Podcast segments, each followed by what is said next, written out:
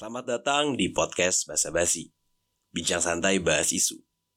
Basa Basi merupakan inisiatif Departemen Aksi dan Propaganda Dema Jusisia Fakultas Hukum Universitas Gajah Mada untuk menghadirkan isu yang penting dengan cara yang ringan dan menyenangkan bersama narasumber yang ahli di bidangnya. Basa Basi juga merupakan sebuah audience driven show di mana para pendengar bisa menyarankan topik, narasumber, bahkan pertanyaan yang secara langsung akan ditanyakan dan dijawab oleh narasumber. Kalian bisa DM Instagram dan Twitter Dema Jusisia di @demajusisia untuk menyarankan topik, narasumber, atau pertanyaan yang ingin kalian tanyakan. Jadi duduk santai, regangkan tangan dan kaki, silahkan menikmati basa-basi.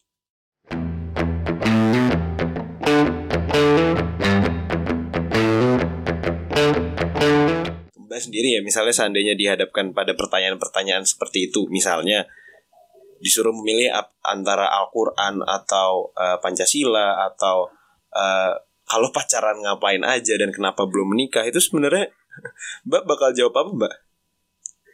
Mbak saya nggak kepikir tuh Zaki itu. Oh.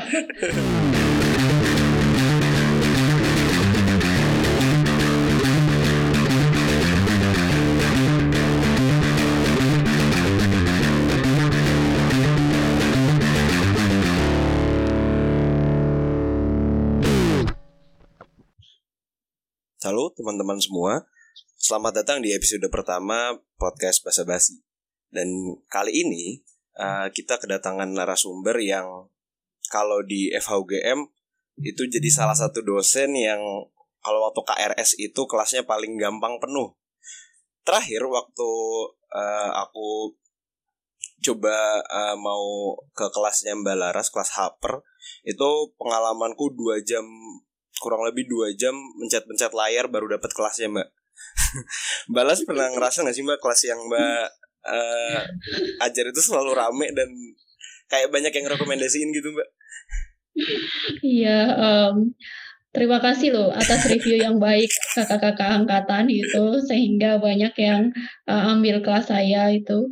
Um, entah alasannya itu mungkin karena metodenya atau karena um, nilainya nggak susah-susah amat atau mudah dihubungi dan seterusnya itu.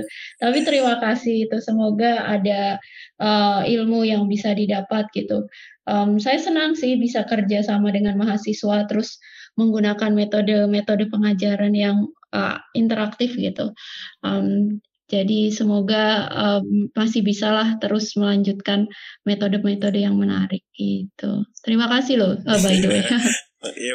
Nah, tadi Mbak mention juga soal metode Mbak ngajar yang ya saya pun setuju sebenarnya itu cukup interaktif ya. Dan uh, kalau uh, aku lihat gitu di FUGM, Mbak Laras itu ini mungkin akhirnya nyambung ke metode belajar Mbak juga sih.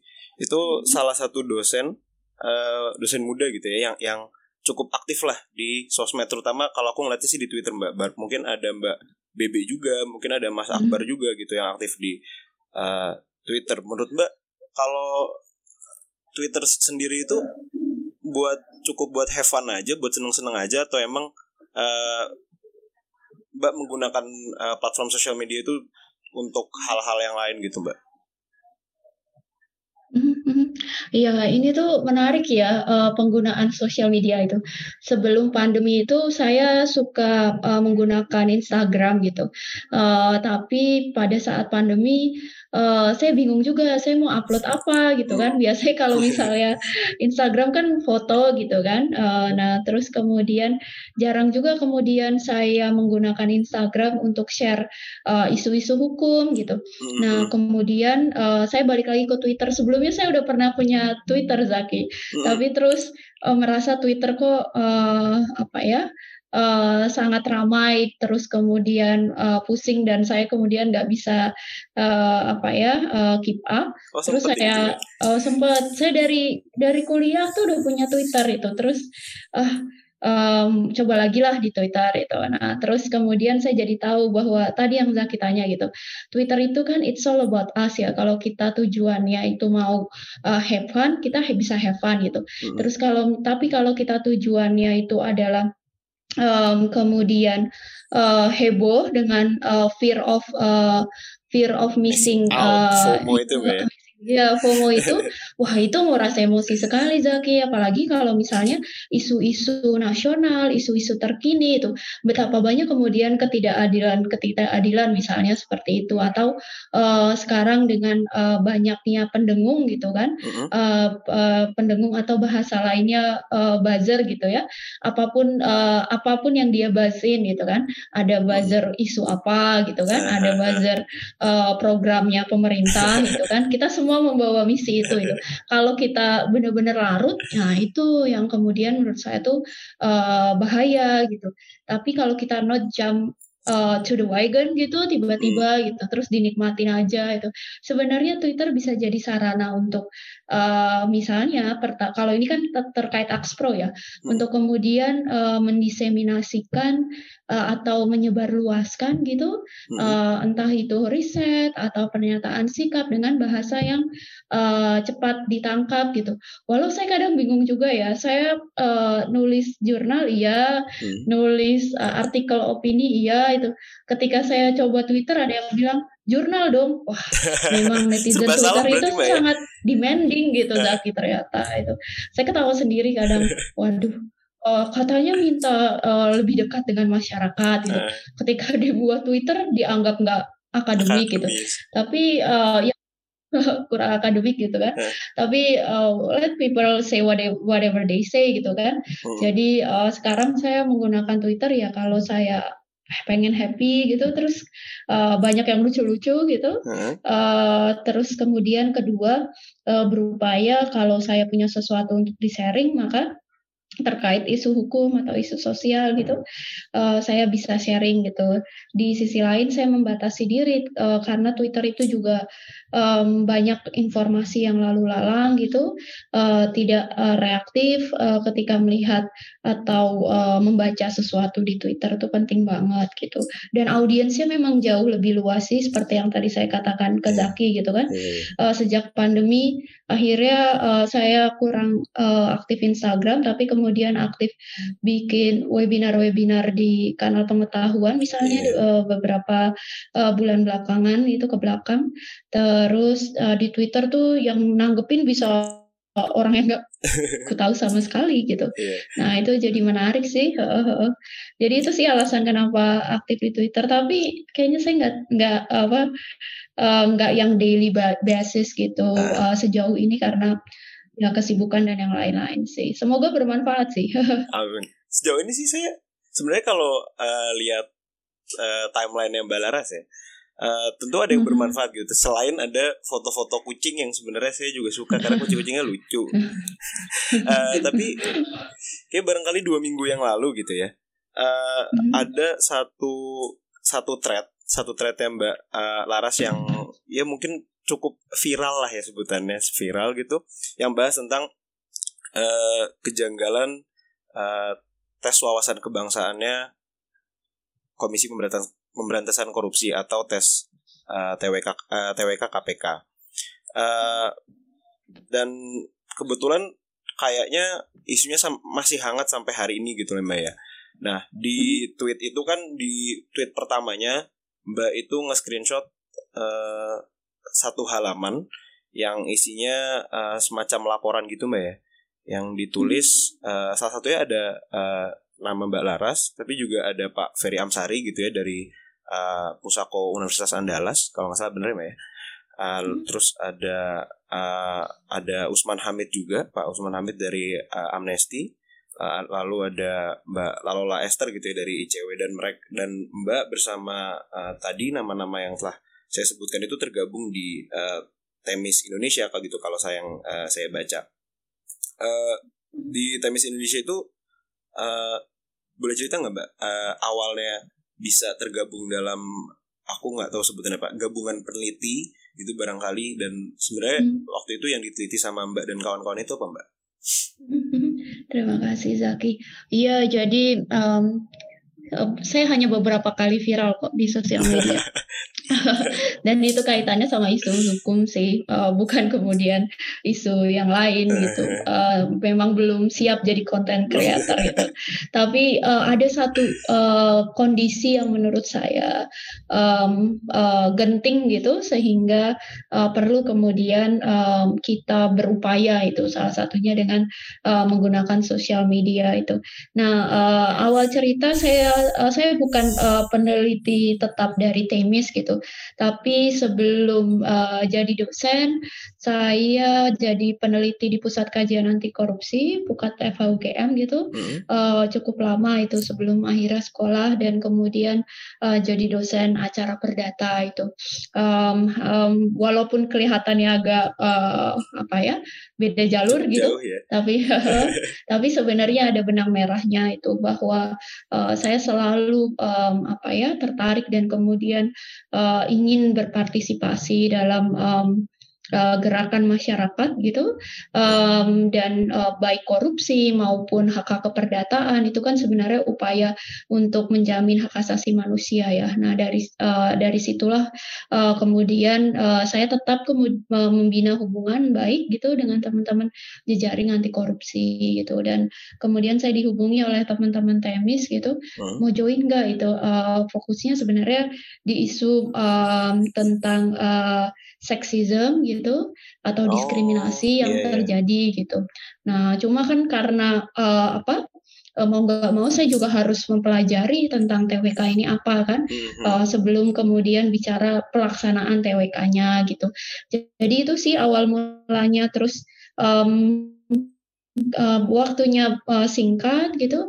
Uh, terus kalau orang uh, masyarakat umum kalau di, uh, dikasih berhalaman-halaman tentu kan wah yeah mana isunya isu hukum gitu kan. Nah, terus jadi uh, kenapa nggak kita gunakan uh, Twitter lah gitu. Hmm. nah jadi itu uh, awalnya sih gitu.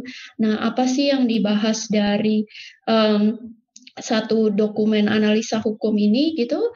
Uh, pertama soal keabsahan dari uh, tes wawasan kebangsaan un, dalam uh, prosedur alih status pegawai KPK.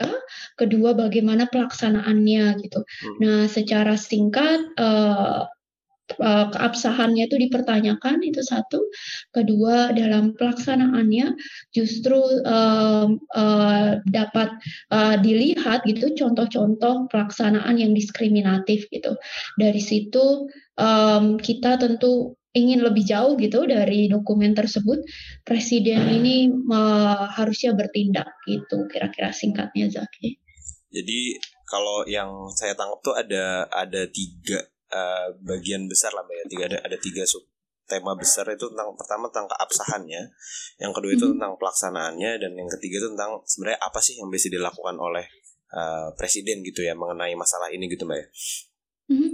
nah uh, di salah satu uh, subtema tadi uh, itu kan membahas tentang keabsahan keberadaan TWK ini mbak ya dari hmm. jadi apa yang saya baca di uh, laporan analisisnya Temis itu saya menemukan bahwa uh, peralihan status uh, pegawai KPK yang diamanatkan oleh revisi UU KPK itu kan seharusnya mengacu ke uh, peraturan pemerintah kalau nggak salah nomor 41 tahun 2020 bukan ke hmm. UU ASN seperti yang disampaikan oleh uh, ketua BKN gitu tapi juga ke PP eh, nomor 78 tahun 2013 dan sebenarnya ada satu ada satu statement di uh, laporan itu yang buat saya uh, mungkin satu statement yang bold gitu ya mbak. Tentang sebenarnya TWK yang katanya sesuai UU administrasi administrasi pemerintahan itu diada-adain aja gitu mbak kalau berdasarkan laporan itu. Itu sebenarnya uh, kalau secara proseduralnya itu memang uh, apa yang disimpangi gitu mbak Iya, jadi uh, satu ya, kita tentu tidak mempermasalahkan bahwa penegak hukum tuh harus uh, setia pada Pancasila gitu. Kita dukung gitu loh Zaki itu. Hmm. Jadi harus diluruskan dari awal itu. Kita juga nggak mau lembaga negara kita kemudian uh, disusupi hal-hal yang nggak benar gitu. Hmm. Tapi juga uh, prosesnya seperti apa itu, tuduhan seperti itu uh, dari mana gitu kan? Itu yang harus uh, diperjelas gitu. Kan sering kali kemudian um, um, jadi uh, distorsi uh, kepentingan atau kemudian uh, dikatakan bahwa oh kalau uh, mempermasalahkan TWK berarti uh, mempermasalahkan tentang nasional uh, tidak setuju dengan nasionalisme dan seterusnya nggak gitu itu. Jadi bahwa setia kepada Pancasila uh, negara Republik Indonesia itu penting penting banget gitu. Nah hanya saja dari TWK ini tadi yang Zaki sebutkan gitu uh, secara sederhana dapat saya ceritakan itu bahwa kan ini semua implikasi dari perubahan undang-undang KPK gitu ya. Uh, dulu mereka pegawai pegawai KPK, namun dengan perubahan eh, pegawai KPK ini harus berubah statusnya menjadi ASN, aparatur sipil negara. negara. Eh, nah itu ada aturannya sendiri. Namun eh, konsep ASN ini kan baru ya Zaki kayak gitu. Hmm. hitungannya baru gitu. Sementara yang kita tahu kan yang udah ada dari dulu adalah pengadaan PNS gitu. Yeah. Nah meskipun ada ASN ini kemudian uh, dalam hal pengadaannya uh, mengacu pada uh, aturan-aturan salah satunya uh, tentang uh, pengadaan pegawai negeri sipil dan manajemen pegawai negeri sipil gitu. Nah istilah alih status ini nggak dikenal gitu Zaki. Kan yang ada dia merekrut kan pegawai hmm, negeri sipil ya, kan ya, gitu. Dan uh, alih status di lembaga negara lain seperti TNI dan uh, contohnya gitu yang disebutkan di Temis itu uh, dokumennya itu juga udah nggak ada lagi gitu. Nah maka kan berarti pertanyaannya wah jadi status quo nih gitu kan. Uh, lalu seperti apa konsep alih statusnya KPK gitu. Nah, kita harus lihat ke PP-nya uh, eh, yang dibuat oleh Presiden Jokowi gitu. Nah, di situ PP tidak menyebutkan bahwa TWK itu menjadi uh, syarat uh, penentu seseorang uh, seorang pegawai KPK lulus atau enggak jadi ASN gitu. Nah, Uh, berarti uh, di situ dikatakan mengacu ke peraturan perundang-undangan terkait. Nah, kalau teman-teman yang udah lulus nih pasti dan coba tes PNS pasti hmm. pernah ngalami ya. Iya, iya. Jadi kalau tes PNS itu ada dua tes gitu, tes kompetensi dasar dan tes kompetensi bidang gitu. Tes kompetensi dasar ini salah satu materinya adalah materi tentang wawasan kebangsaan gitu. Jadi salah satu materi ya Zaki, bukan kemudian uh, berbeda dengan TWK KPK ini dalam perkomnya KPK peraturan uh, eh, KPK itu menjadi uh, syarat penentu gitu. Jadi kalau ditanya jenis tesnya kayak apa sih kalau uh, mau mengacu ke yang umum ya adanya tes kompetensi dasar sama bidang gitu. Uh, wawasan itu masuk di tes kompetensi dasar bagian gitu loh. Jadi ditanyakan di tes kompetensi dasar. Nah uh, itu kalau kita mau mengacu ke sana gitu. Uh, sementara kok ini uh, untuk membuktikan dia setia berwawasan kebangsaan dan seterusnya digunakanlah tes gitu. Nah, tesnya itu menentukan seseorang lulus atau enggak itu.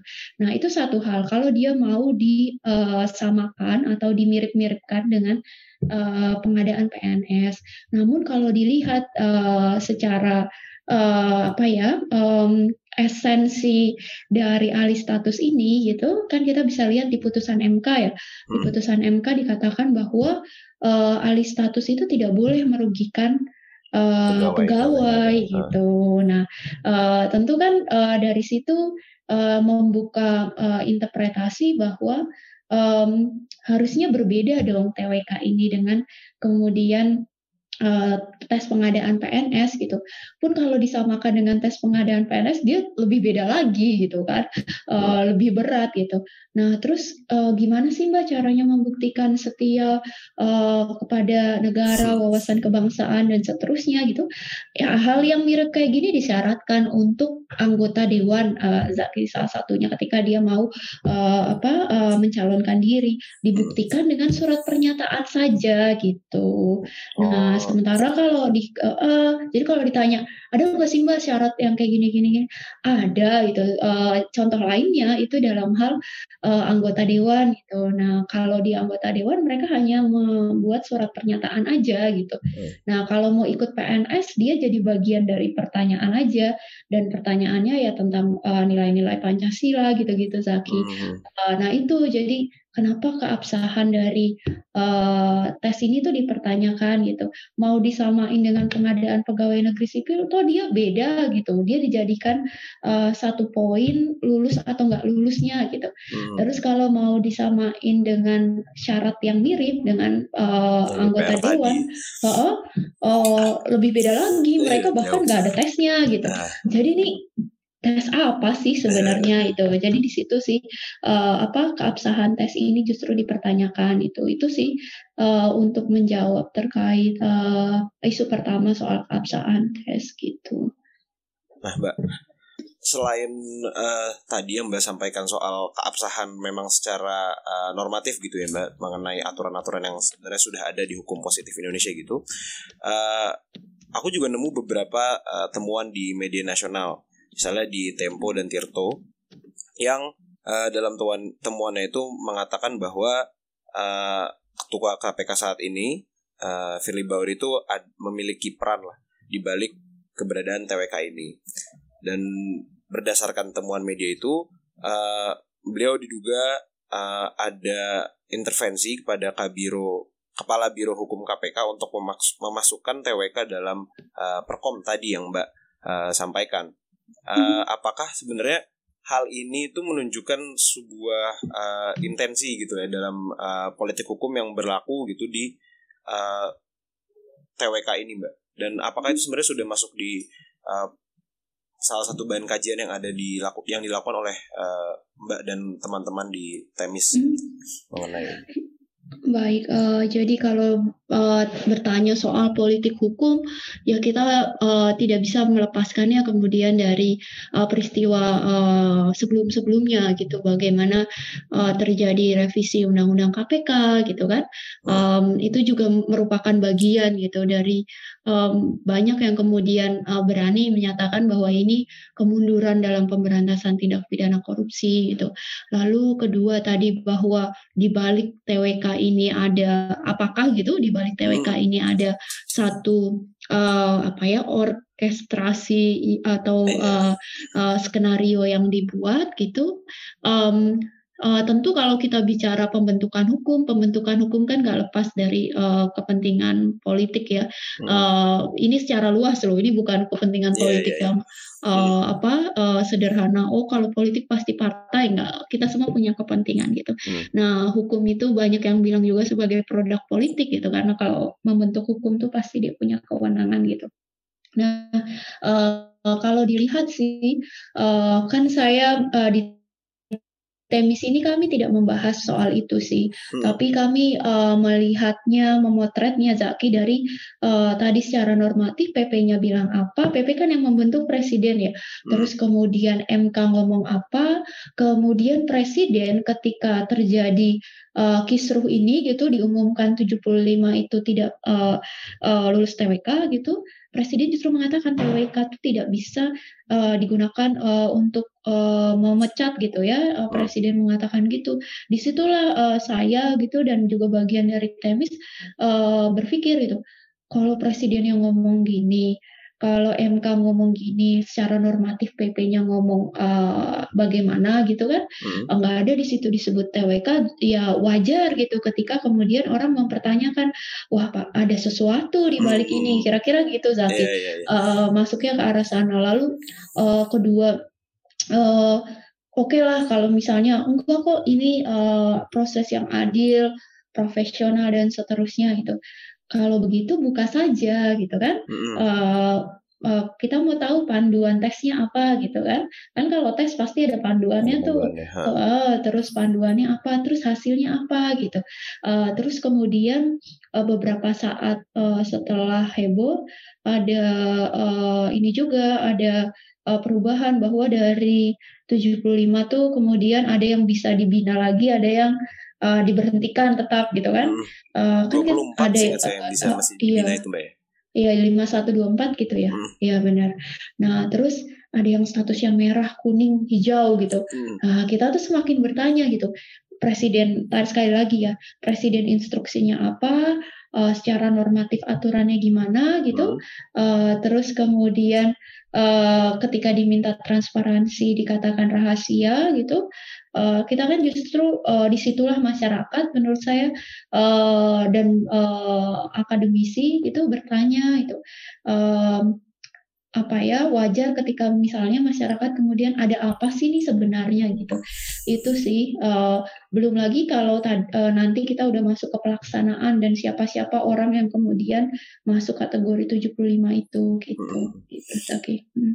nah mbak soal ini mungkin uh, bisa uh, menjelaskan juga soal konsekuensi hukumnya juga mungkin di tataran pelaksanaan gitu ya ini sebenarnya uh, salah satu uh, format dari podcast ini kan juga membuka pertanyaan nih mbak.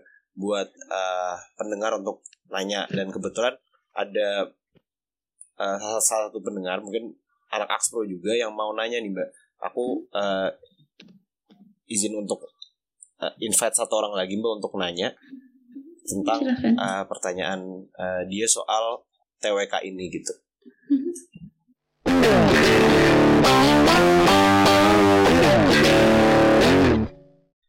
Uh, mungkin buat Elena ya silahkan mungkin bisa kenalan dulu nih sama Mbak Laras dan uh, mengajukan pertanyaannya apa ini yang pengen ditanyain? Halo Mbak Laras. Halo Elena. Ya uh, Aku Elena mahasiswa Fakultas Hukum Angkatan 2020 hmm.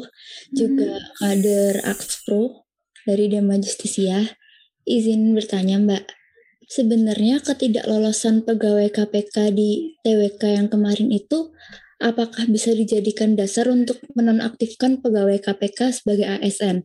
Contohnya nih Mbak, Direktur KPK kemarin kan nggak lolos nih di TWK yang baru aja. Padahal sebelum beliau jadi direktur pun udah pernah lulus tes kebangsaan. Nah kalau dia nggak lolos ini implikasi hukumnya apakah langsung dinonaktifkan atau gimana ya Mbak? Makasih. Langsung jawab atau gimana nih? Langsung aja mbak, langsung aja mbak. Iya, terima kasih ya Elena. Nah, ini yang kemudian pertanyaan Elena nih uh, bagus sekali ya. Ini yang benar-benar masyarakat resahkan gitu. Uh, tadi di awal saya ceritakan ke Zaki, keabsahan uh, tes ini tuh uh, dipertanyakan gitu. Uh, satu karena kok bisa uh, tes wawasan kebangsaan ini menentukan uh, lulus atau tidaknya gitu pegawai KPK menjadi uh, ASN gitu. Uh, sementara uh, peraturan perundang-undangan terkait nggak bilang gitu gitu.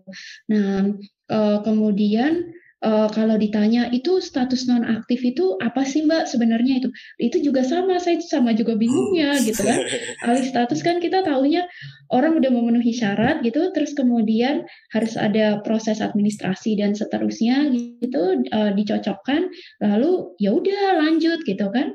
Uh, kalau misalnya dulu dia sudah pernah misalnya mengabdi di UGM atau universitas sebagai uh, tenaga pendidik di D3 kemudian dia uh, uh, mau mengajar pindah ke tempat lain gitu kan itu kan bagian dari uh, institusi yang sama gitu kan sebenarnya itu. Nah ini benar-benar uh, justru nonaktif ini kata uh, menurut siapa sih gitu? Uh, emang pengertian nonaktif itu apa gitu? Uh, nonaktif itu maksudnya diberhentikan atau gimana? Nah karena uh, keabsahannya dipertanyakan jadi bingung sendiri mereka yang membuat uh, TWK ini gitu. Hmm. ini orang yang nggak lulus non aktif suruh meletakkan uh, pekerjaannya gitu tapi digantung statusnya gitu. Nah kalau teman-teman banyak baca uh, dan kemudian mengamati kayak gini itu uh, dengan format berbeda ya uh, sering kali terjadi uh, dan kemudian uh, pegawainya tuh bukan berhenti karena tesnya itu nggak lulus gitu, tapi karena dia nggak pernah datang dianggap indisipliner gitu. Padahal yang menyatakan nonaktif tuh lembaganya itu dikhawatirkan itu sih, dikhawatirkan statusnya ini digantung terus gitu. Uh, nanti uh, mereka diberhentikan ya Elena justru karena indisipliner gitu. Kan indisipliner bisa jadi salah satu uh, apa uh, alasan pemberhentian. Indisipliner apa sih Mbak? Dia nggak masuk kerja, dia nggak laporan ke atasan itu salah satunya aja sih gitu nggak apa mengerjakan tugas dan tanggung jawabnya jadi kalau ditanya bisa nggak sih TWK ini uh, memberhentikan kalau saya dan teman-teman temis melihat seharusnya nggak bisa itu karena secara aturan TWK ini mengada-ada gitu uh, sebagai uh, syarat uh, kelulusan gitu. Terus kemudian bisa nggak sih Mbak uh, uh, apa uh, kondisi seperti ini lalu seperti apa ke depannya gitu. Kita kan lihat ya sekarang kondisinya adalah digantungin gitu kan. Digantungin bahwa oh nggak uh, statusnya nonaktif gitu.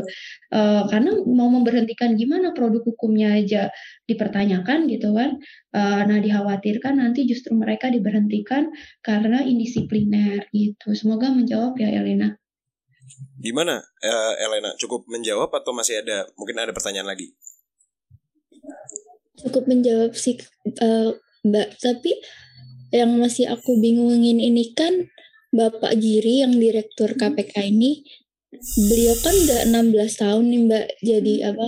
Jadi istilahnya jadi pegawai KPK gitu. Terus beliau juga udah sering ngisi pembicara gitu jadi pembicara di pertahanan nasional apakah hmm. dengan kayak gitu wawasan kebangsaannya masih diragukan gitu mbak sehingga bisa hmm. tiba-tiba indisipliner atau gimana gitu iya jadi uh, kalau uh, menanggapi itu ya uh, tadi saya bilang ke Zaki, kita baru diskusi soal keabsahannya gitu. Kalau kita lihat pelaksanaannya gitu, terus kemudian lihat profil orang-orang yang masuk kategori 75 itu semakin banyak pertanyaan dan semakin kuat dugaan bahwa uh, ada sesuatu di balik ini semua gitu. Seperti yang Elena tadi sampaikan gitu. Uh, da dari yang uh, Temis buat gitu uh, dalam hal pelaksanaan kalau tadi ditanya kok TWK itu tes wawasan kebangsaan gitu. Uh, ada orang yang udah pernah tes wawasan kebangsaan, lulus bahkan jadi pelatih, kok malah nggak lolos? Emang pertanyaannya kemudian kan Elena, emang itu tes kayak apa gitu kan? Kok sampai orang yang seperti itu nggak lolos? Uh, nah ternyata tesnya itu diskriminatif gitu uh, uh, dalam beberapa hal gitu. Terus kemudian uh, berbeda dengan TWK yang biasa uh, dibuat gitu uh, dan sudah pernah dilalui oleh mereka itu. Nah dari uh, berbagai informasi uh, cerita mereka yang menjalani tes kita tahu kan misalnya ada pertanyaan-pertanyaan yang sifatnya men apa ya menabrakkan antara kepercayaan seseorang dengan nilai berbangsa dan bernegara. Pilih Islam atau Pancasila misalnya. Hmm. Harus pilih salah satu gitu kan. Nah, itu kan bukan TWK yang wow, apa wajar dan sering digunakan gitu. Ini jenis TWK berbeda itu.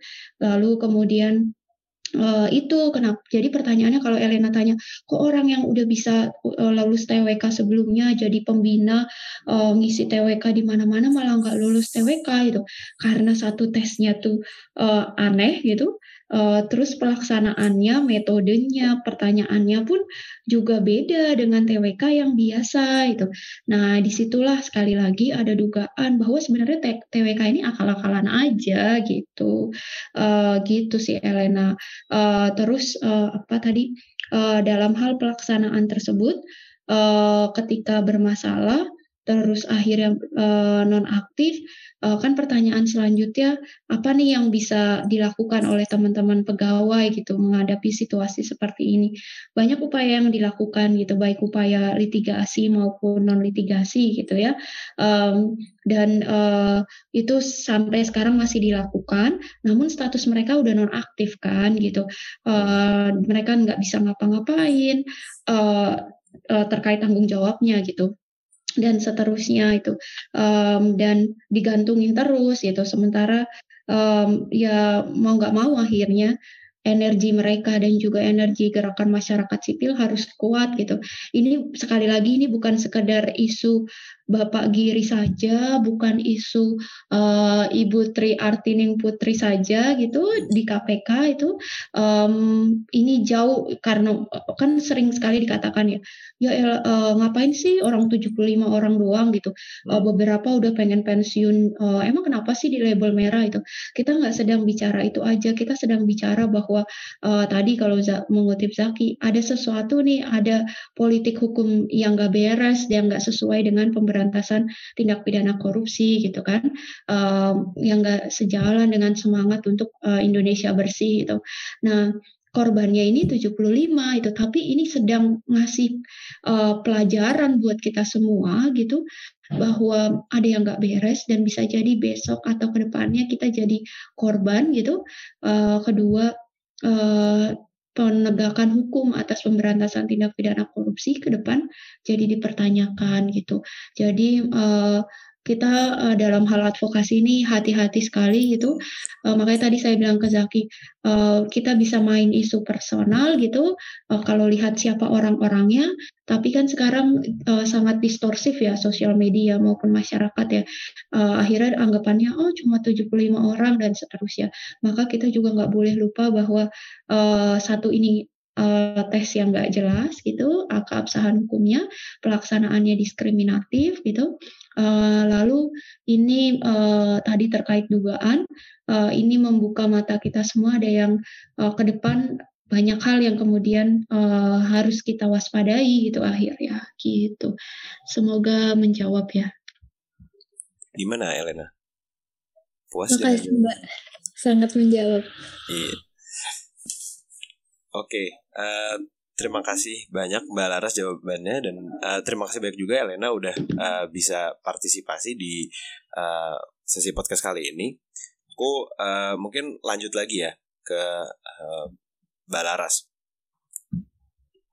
Mbak sendiri misalnya uh, tadi kan aku kemarin sempat uh, kita di Majusisi sempat kemarin ngadain nobar uh, nonton bareng filmnya Watchdog ya Mbak. Mm-hmm. Soal uh, eh, TWK juga KPK di Endgame dan ada beberapa pertanyaan yang sebenarnya dikasih tahu nih sama uh, pegawai-pegawai yang ditanyain itu Mbak sendiri ya misalnya seandainya dihadapkan pada pertanyaan-pertanyaan seperti itu misalnya disuruh memilih antara Al-Quran atau uh, Pancasila atau uh, kalau pacaran ngapain aja dan kenapa belum menikah itu sebenarnya Mbak bakal jawab apa Mbak? Wah, saya nggak kepikir tuh Zaki itu. Oh, oh, makanya saya bilang, wah kalau semua lembaga negara ikut-ikutan pakai uh, tes kayak gitu, gitu, wah makin banyak orang nggak lolos gitu. Um, karena sangat subjektif ya yang kayak gitu, kayak gitu itu. Um, dan nggak hanya subjektif gitu, tapi judgmental dan seterusnya gitu. Kan kalau tadi mengutip uh, Elena gitu, kenapa tes satu tes bisa mengalahkan track record yang panjang gitu kan. Um, ya saya beneran speechless sih Zaki kalau harus menghadapi pertanyaan kayak gitu itu. Saya nggak ngerti yang bikin pertanyaan tuh uh, apa ya in uh, hati nuraninya gimana gitu loh hmm. atau ber, yang bertanya itu itu uh, dia pasti punya di dalam hati nuraninya ini benar atau enggak gitu dan kemudian tetap melaksanakannya gitu uh, ngeri sih. saya jujur nggak nggak nggak bisa uh, membayangkan Zaki dan bingung juga jawabnya gimana gitu. Iya. Yeah. Uh, di laporan Temis uh, menyebutkan bahwa pertanyaan instrumen-instrumen pertanyaan-pertanyaan ini itu uh, diskriminatif gitu mbak. Nah, yang dimaksudkan diskriminatif dalam pertanyaan-pertanyaan ini apa sih mbak sebenarnya? Mm -hmm. Jadi kalau yang terkait uh, satu contoh aja ya, uh, sesuai dengan undang-undang uh, hak asasi manusia gitu uh, tidak boleh kan membedakan orang berdasarkan suku, ras, agama, uh, gender dan seterusnya gitu ya Zaki. Dikatakan diskriminatif kalau kemudian terjadi uh, pelanggaran terhadap uh, apa uh, pembatasan, pelecehan, pengucilan berdasarkan tadi yang saya sebut. Nah, ketika ada pertanyaan ke, yang hanya ditanyakan kepada pegawai perempuan, sudah menikah belum gitu, uh, statusnya bercerai atau tidak bercerai gitu. Nanti kalau menikah bagaimana itu? Tapi itu hanya ditanyakan kepada perempuan misalnya itu. Hmm. Itu kan diskriminatif Zaki itu. Kenapa perempuan yang uh, bergerak di sektor publik dipertanyakan uh, soal hubungan uh, pribadinya, soal pilihannya uh, apa uh, bercerai atau nggak bercerai gitu. Nah itu nggak lepas dari satu konstruksi sosial yang dinamakan uh, patriarki bahwa perempuan itu uh, tidak setara. Salah satunya ketika uh, beraktivitas di publik gitu. Hmm. Nah uh, itu masuk dalam uh, relasi yang timpang antara laki-laki dan perempuan. Kalau laki-laki itu mau menikah nggak menikah, ya boleh aja dia hmm. kontribusi gitu. Tapi kalau ada perempuan uh, berkontribusi, uh, menikah atau nggak menikah, bercerai atau nggak bercerai, jadi dipertanyakan gitu. Nah itu salah satu contohnya itu. Lalu diskriminasi lain uh, negara Indonesia uh, mengakui hak beragama dan juga kepercayaan uh, warga negara gitu, uh, yang kemudian bisa di manifestasikan dengan pilihan-pilihan gitu. Nah, serta merta orang yang berjenggot misalnya, orang yang uh, apa uh, berpakaian tertutup gitu, uh, bisa langsung diasosiasikan uh, dia nggak cinta kepada negara misalnya seperti itu itu justru uh, ini uh, agak keluar dari uh, analisis hukum ya. Hmm. Saya mengenal beberapa teman-teman KPK ini, mereka yang Muslim lebih rajin sholat duha daripada orang uh, yang banyak waktunya itu. Uh, misal sosok pribadi uh, Novel Baswedan gitu, hmm. yang uh, boleh dikatakan tidak takut mati gitu. Uh, mereka dekat dengan Tuhan karena mereka tahu gitu um, bahwa yang boleh ditakutin itu cuma Tuhan gitu nggak boleh takut sama kekuasaan koruptor dan yang lain-lain gitu. Nah dari situ sih uh, apa pertanyaan-pertanyaan yang uh, dilontarkan itu diskriminatif gitu. Jadi orang boleh menjadi soleh tuh ya nggak apa-apa gitu. Uh, lah kok Pancasila sila pertama bicara soal ketuhanan yang Maha Esa gitu. Nggak hanya soleh pribadi tapi juga juga soleh di masyarakat gitu. Uh, mengabdikan diri untuk anti korupsi. Justru kan itu terpenuhi ya. Nah kemudian uh, diskriminatif dalam hal uh, pertanyaan-pertanyaan tertentu dialamatkan kepada perempuan gitu. Um, saya nggak ngerti juga kenapa jadi tren ya pertanyaan-pertanyaan begitu ya uh, di di um, di tes-tes uh, di tes ini misalnya atau mungkin ada tes lain yang bertanya seperti itu gitu. Uh, karena uh, karena kita misalnya ya saya milenial Zaki uh, generasi Z kali ya masuknya atau yeah, generasi uh, alpha. generasi Z itu mbak. Uh, uh, yang gitu-gituan kan kita nggak lagi uh, apa ya Zaki? Udah, uh, udah jarang menjumpai juga sih seharusnya ya ya makanya kan uh, kemunduran banget kan Zaki gitu. Uh. Wah kalau saya uh, lihat gitu, dulu tuh 2015 pulang sekolah tuh ada bukaan KPK gitu, ada bukaan dosen juga itu. Saya saya mikir-mikir, ah, saya pengen sih anti korupsi itu, tapi siap dan sanggup nggak dengan segala resikonya itu. Uh, untuk menjadi bagian dari KPK itu, uh, menjadi uh, bagian dari KPK tuh bukan hal yang mudah, tesnya tuh luar biasa sulitnya itu, tes fisik dan seterusnya, tes integritas itu, nggak um, cuma uh, pribadi yang mendaftar, tapi juga keluarganya gitu, juga harus di uh, nilai oleh KPK gitu. Karena namanya jadi penegak hukum tuh keluarga tuh penting banget ya. Hmm. Uh, untuk kemudian nggak jadi pelanggar hukum gitu atau kemudian malah keluarganya yang uh, nerima suap atau yang gitu-gitu itu gitu sih um, mungkin hal lain adalah um, yang ingin saya counter gitu banyak yang mengatakan KPK tuh gak sempurna dan seterusnya siapa bilang juga KPK hmm. sempurna gitu yeah. tapi ya seenggak kalau kalau dikatakan ada masalah di KPK ya selesaikan masalah sesuai dengan permasalahannya gitu bukan kemudian menyelesaikan masalah dengan cara-cara yang ya kita bisa bilang he -he, bermasalah terus dipertanyakan gitu bahwa kita pengen KPK bahwa ada penyidik KPK yang kemarin ter tertangkap itu loh Zaki, hmm. um, ya itu yang harus diperbaiki gitu. Uh, bukan jawabannya adalah dengan yang seperti ini gitu. Itu yang kita harus luruskan. Jadi satu meluruskan bahwa kita uh, kita dukung upaya untuk uh, nasionalisme dan seterusnya kita dukung gitu, tapi jangan sampai kemudian itu diskriminatif terhadap hak-hak orang lain, hak hak warga negara yang lain gitu dalam hal beragama, dalam hal uh, berkembang, pilihan sikap dia terhadap sesuatu, kebebasan berpendapat dan seterusnya itu. Karena nggak bisa menegakkan uh, nasionalisme dengan melanggar hak-hak uh, tersebut kan kontradiksi interminis ya, yeah. apa uh, bertentangan gitu kan. Yeah. Nah, kedua ini bukan isu sekedar 75 orang, ini ada isu yang lebih besar soal pemberantasan tindak pidana korupsi dan soal bagaimana negara ini gitu digerakkan oleh kepentingan kepentingan-kepentingan gitu yang nggak pro terhadap pemberantasan korupsi kalau dilihat dari contoh-contoh tadi gitu. Uh, terus kemudian uh, hal penting yang juga harus diluruskan bahwa uh, nasionalisme tuh harusnya ya sejalan dengan perlindungan hak-hak warga negara yang lain gitu.